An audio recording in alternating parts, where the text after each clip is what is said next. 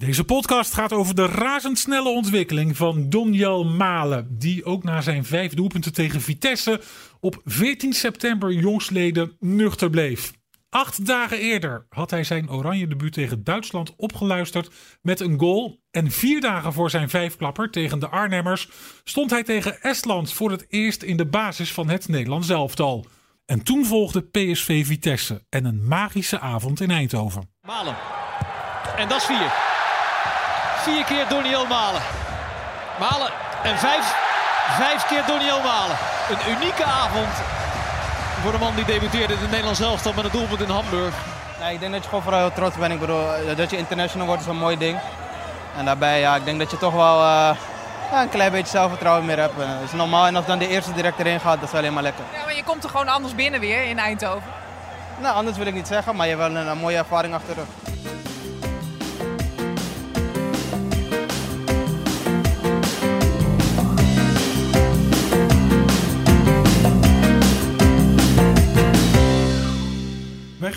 Bespreken met Martijn Krabbedam en Reon Boeringa de razendsnelle opkomst van Donjel Malen. Want daar mogen we wel over spreken.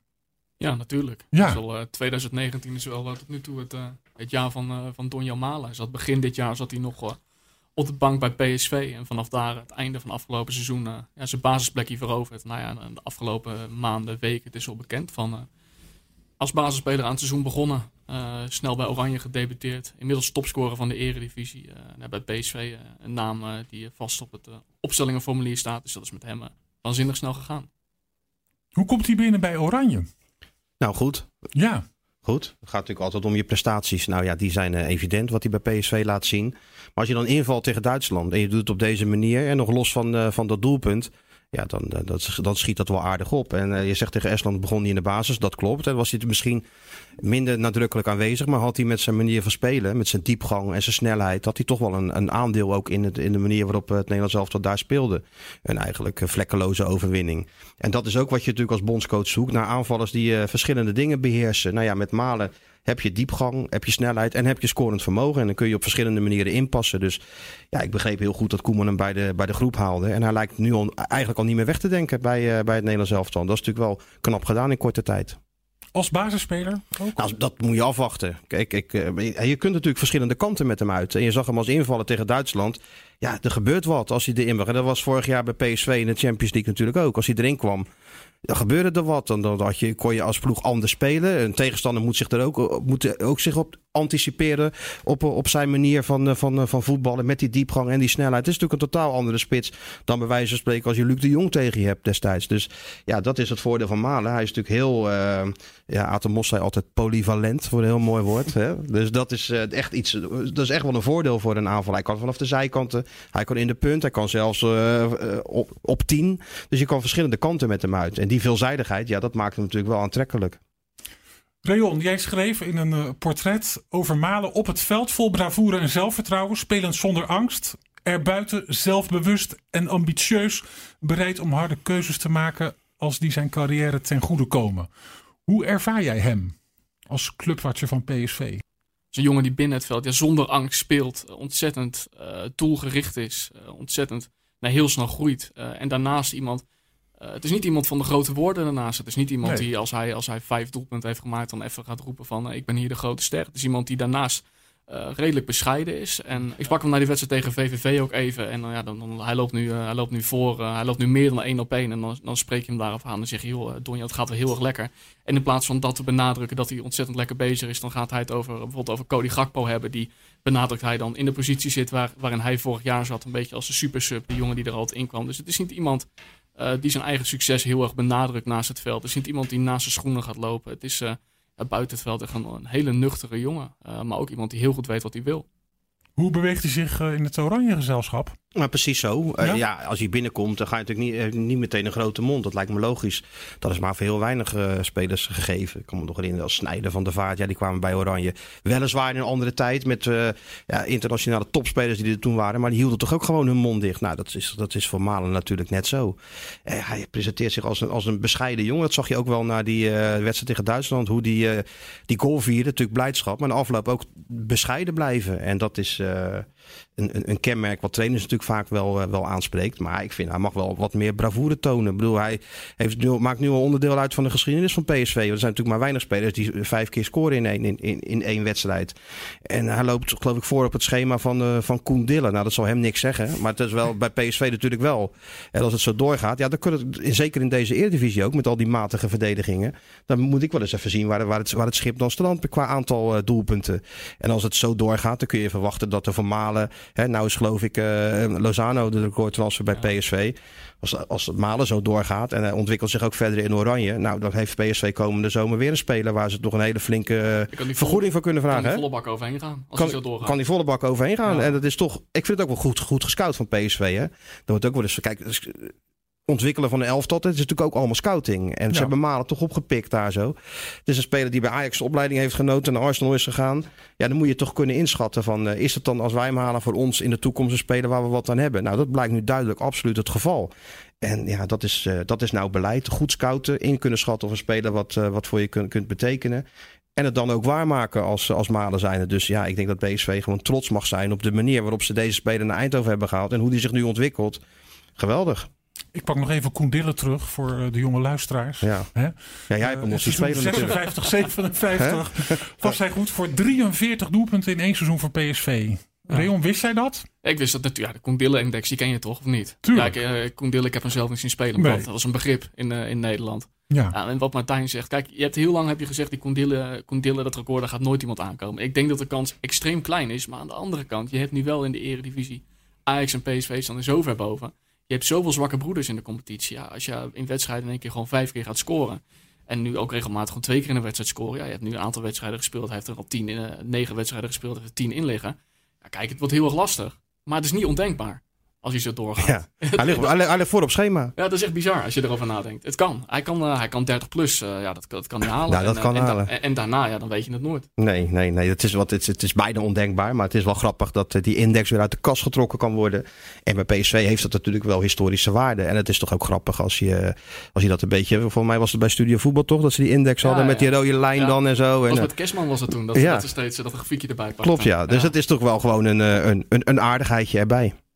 Hij zat bij Ajax als jeugdspeler. En in dat portret door jou gemaakt, Reon, komt ook Jasper van Leeuwen, hoofd scouting, jeugdscouting van Ajax aan het woord. Over zijn vertrek naar Arsenal. Hij zegt, zij vonden het onduidelijk met wie ze bij Ajax moesten praten. Wim Jonk en ik zijn iets voor Doniels 16e verjaardag inhoudelijk met hem gaan praten. Mark Overmars heeft dat opgevolgd met een goede aanbieding. Daar zat misschien wat tijd tussen, maar dat zat hem ook gewoon in agenda's als ik dat lees, dan denk ik, Ajax heeft getreuzeld. Ja, ja en dat, dat hoorde ik uh, niet alleen van uh, Van, van Leeuwen, maar uh, dat verhaal wordt ook nog een beetje bevestigd door Brian Tevreden, die zijn jeugdtrainer is geweest, die op een gegeven moment aan alle bellen tegelijk is gaan trekken toen hij hoorde dat, dat de aanbiedingen van buiten, buitenlandse topclubs gewoon bij Ajax binnenkwamen. Van jongens, we moeten nu actie ondernemen.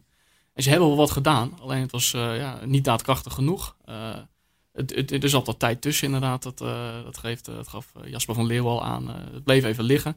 Ja, en als je een speler in je, in je gelederen hebt, als je de verhalen hoort van de mensen die hem toen hebben zien spelen, en er zijn ook nog heel veel dingen die je kunt bekijken op YouTube, ja, dat zou een speler moeten zijn die zodra ja, die een contract mag tekenen, ja, daar moet je gewoon volle bak voor gaan. En ze hebben het een beetje laten lopen, met als gevolg dat daar een, een buitenlandse topclub uh, tussen is gekomen. Uh, en nou ja, we hadden het dus net over, uh, over, over het zelfbewuste. Uh, Donjo Malen bereid om bepaalde keuzes te maken. Martijn haalde net aan, nou ja, hij is 2,5 jaar geleden is hij natuurlijk van, van Engeland naar PSV gegaan. Een paar jaar daarvoor is hij van, van Ajax naar Engeland gegaan. Je ziet wel heel duidelijk dat hij, dat hij iemand is die, nou, het is een bescheiden jongen. maar het is ook iemand die zegt, oké, als dit nu beter is voor mijn carrière om, om deze keuze te maken, dan ga ik dat gewoon doen. En hij maakte die stap van Ajax naar, naar Arsenal. Heeft er een aantal jaar gespeeld.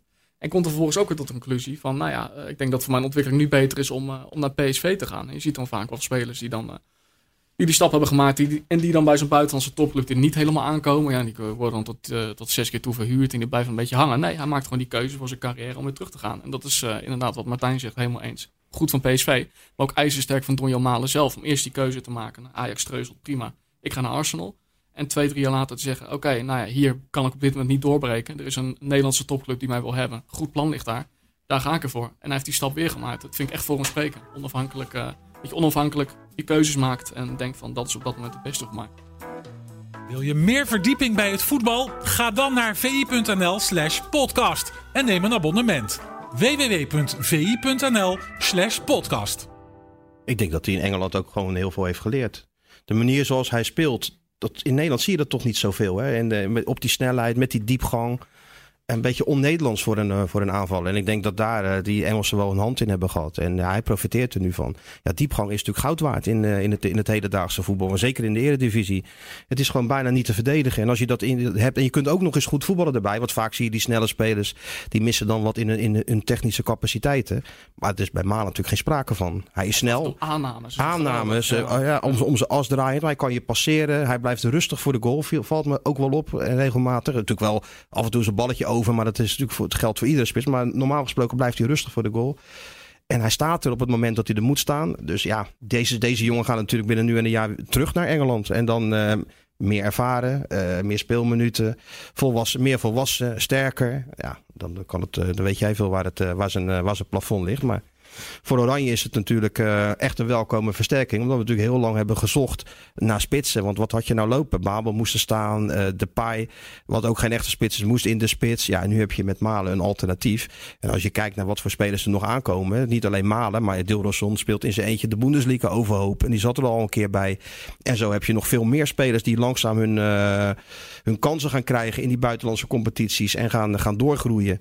Dus het Nederlandse voetbal zit sowieso in de piek. En met dat soort spelers, ik was volgens mij anderhalf jaar geleden dat ik, dat ik het op een rijtje heb gezet van wat voor potentie er eigenlijk allemaal nog aankomt. En dat was volgens mij een lijst van 30 plus spelers. Dus uh, ja, de zomer, het is winter, maar het is uh, de zomer voor het Nederlandse voetbal, die gaat er wel een beetje aankomen. Je hebt ook uh, in het portret met Dennis Haar gesproken. Hè? Dus een trainer bij Jong PSV toen die in 2017 terugkeerde in Eindhoven. Ik herinner me zijn eerste basisplaats, zegt hij. Hij was linkerspits. Alleen was hij overal op het veld, behalve op de plek waar hij moest staan. Hij kwam bijvoorbeeld de bal ophalen bij de centrale verdedigers. Na die wedstrijd heb ik een gesprek met hem aangeknoopt. Ik wilde weten wat zijn bedoeling was. Toen gaf hij aan dat hij zo vaak als mogelijk de bal wilde, zodat hij zich kon laten gelden. Hij wilde immers zo graag die stap naar het eerste maken. Is dat iets wat je nu nog terugziet? Nee, hè? Nee, nee, nee. Want inderdaad, het verhaal wat, wat Dennis Haven vertelde, is dat iemand die zo gretig is dat je gewoon te veel gaat doen. En ja. daardoor dat, dat je spel eronder leidt. Maar dat zie je bij hem uh, helemaal niet meer. Maar hij heeft wel eens, uh, wel eens de afgelopen weken wel eens verteld, en ook in VBA afgelopen trainingskamp, dus hij die eind vorig seizoen, toen kwam hij natuurlijk als basisspeler in dat elftal. Uh, toen heeft Van Bommel er al een beetje op voorgesorteerd door de jong naar 10 te halen en hem in de spits te zetten. Om die wisseling die dan in de zomer zou gaan plaatsvinden.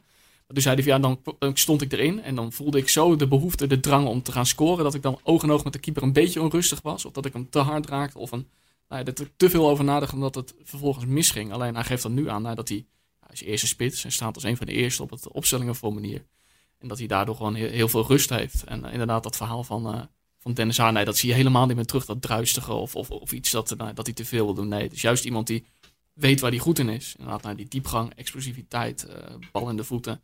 Het is niet iemand die, uh, als het niet loopt, in één keer uh, ja, op rare plaatsen opduikt of gekke dingen gaat doen. Nee, was het tegen Ajax, dat zag je hem eigenlijk helemaal niet. En op het moment dat het moest, staat hij toch gewoon uh, voor, die, voor die Onana en maakt hij gelijk maken. Dat is natuurlijk ook lekker voor een spits. Hij, hij, hij, hoeft dus blijkbaar niet heel veel aan de bal te komen of heel goed te spelen om toch beslissend te kunnen zijn. Nou, dat is een ontwikkeling die hij natuurlijk ook heeft, heeft doorgemaakt. En dat is voor hem natuurlijk alleen maar, alleen maar prettig. Ja, was, was bij Ajax op een gegeven moment ook het verhaal, vertelde jeugdtrainer en, uh, en Van Leeuw aan mij. Van dat ze heel erg aan het twijfelen waren een beetje met hem. Ja, is het nou een spits of is het nou een linksbuiten of een rechtsbuiten? En uh, ja, je ziet gewoon aan hem, als je hem gewoon als spits laat renderen. En het is geen typisch Nederlandse nee, spits. Het is nee, geen nee, nee. of Van Nistelrooy of, weet je, of iemand die wat langer is die een balletje kan laten vallen. Maar als je hem nou echt op zijn kwaliteiten blijft benutten en gaat benutten. En dat mag bij PSV, weet je. Hij moet daar, ze maken dan daar geen andere speler dan dat hij is. Ja, dan kan het echt een geweldige speler worden. Ja, dat is hij al, maar dan kan hij nog veel beter worden. Hij is ook goed in de combinatie, valt me wel op. En, en, en hij kan erachter spelen. Hè. Toen, toen Van Bommel wisselde tegen Ajax met Kakbo. En nou, dan zag je ja. het ook meteen. Ja.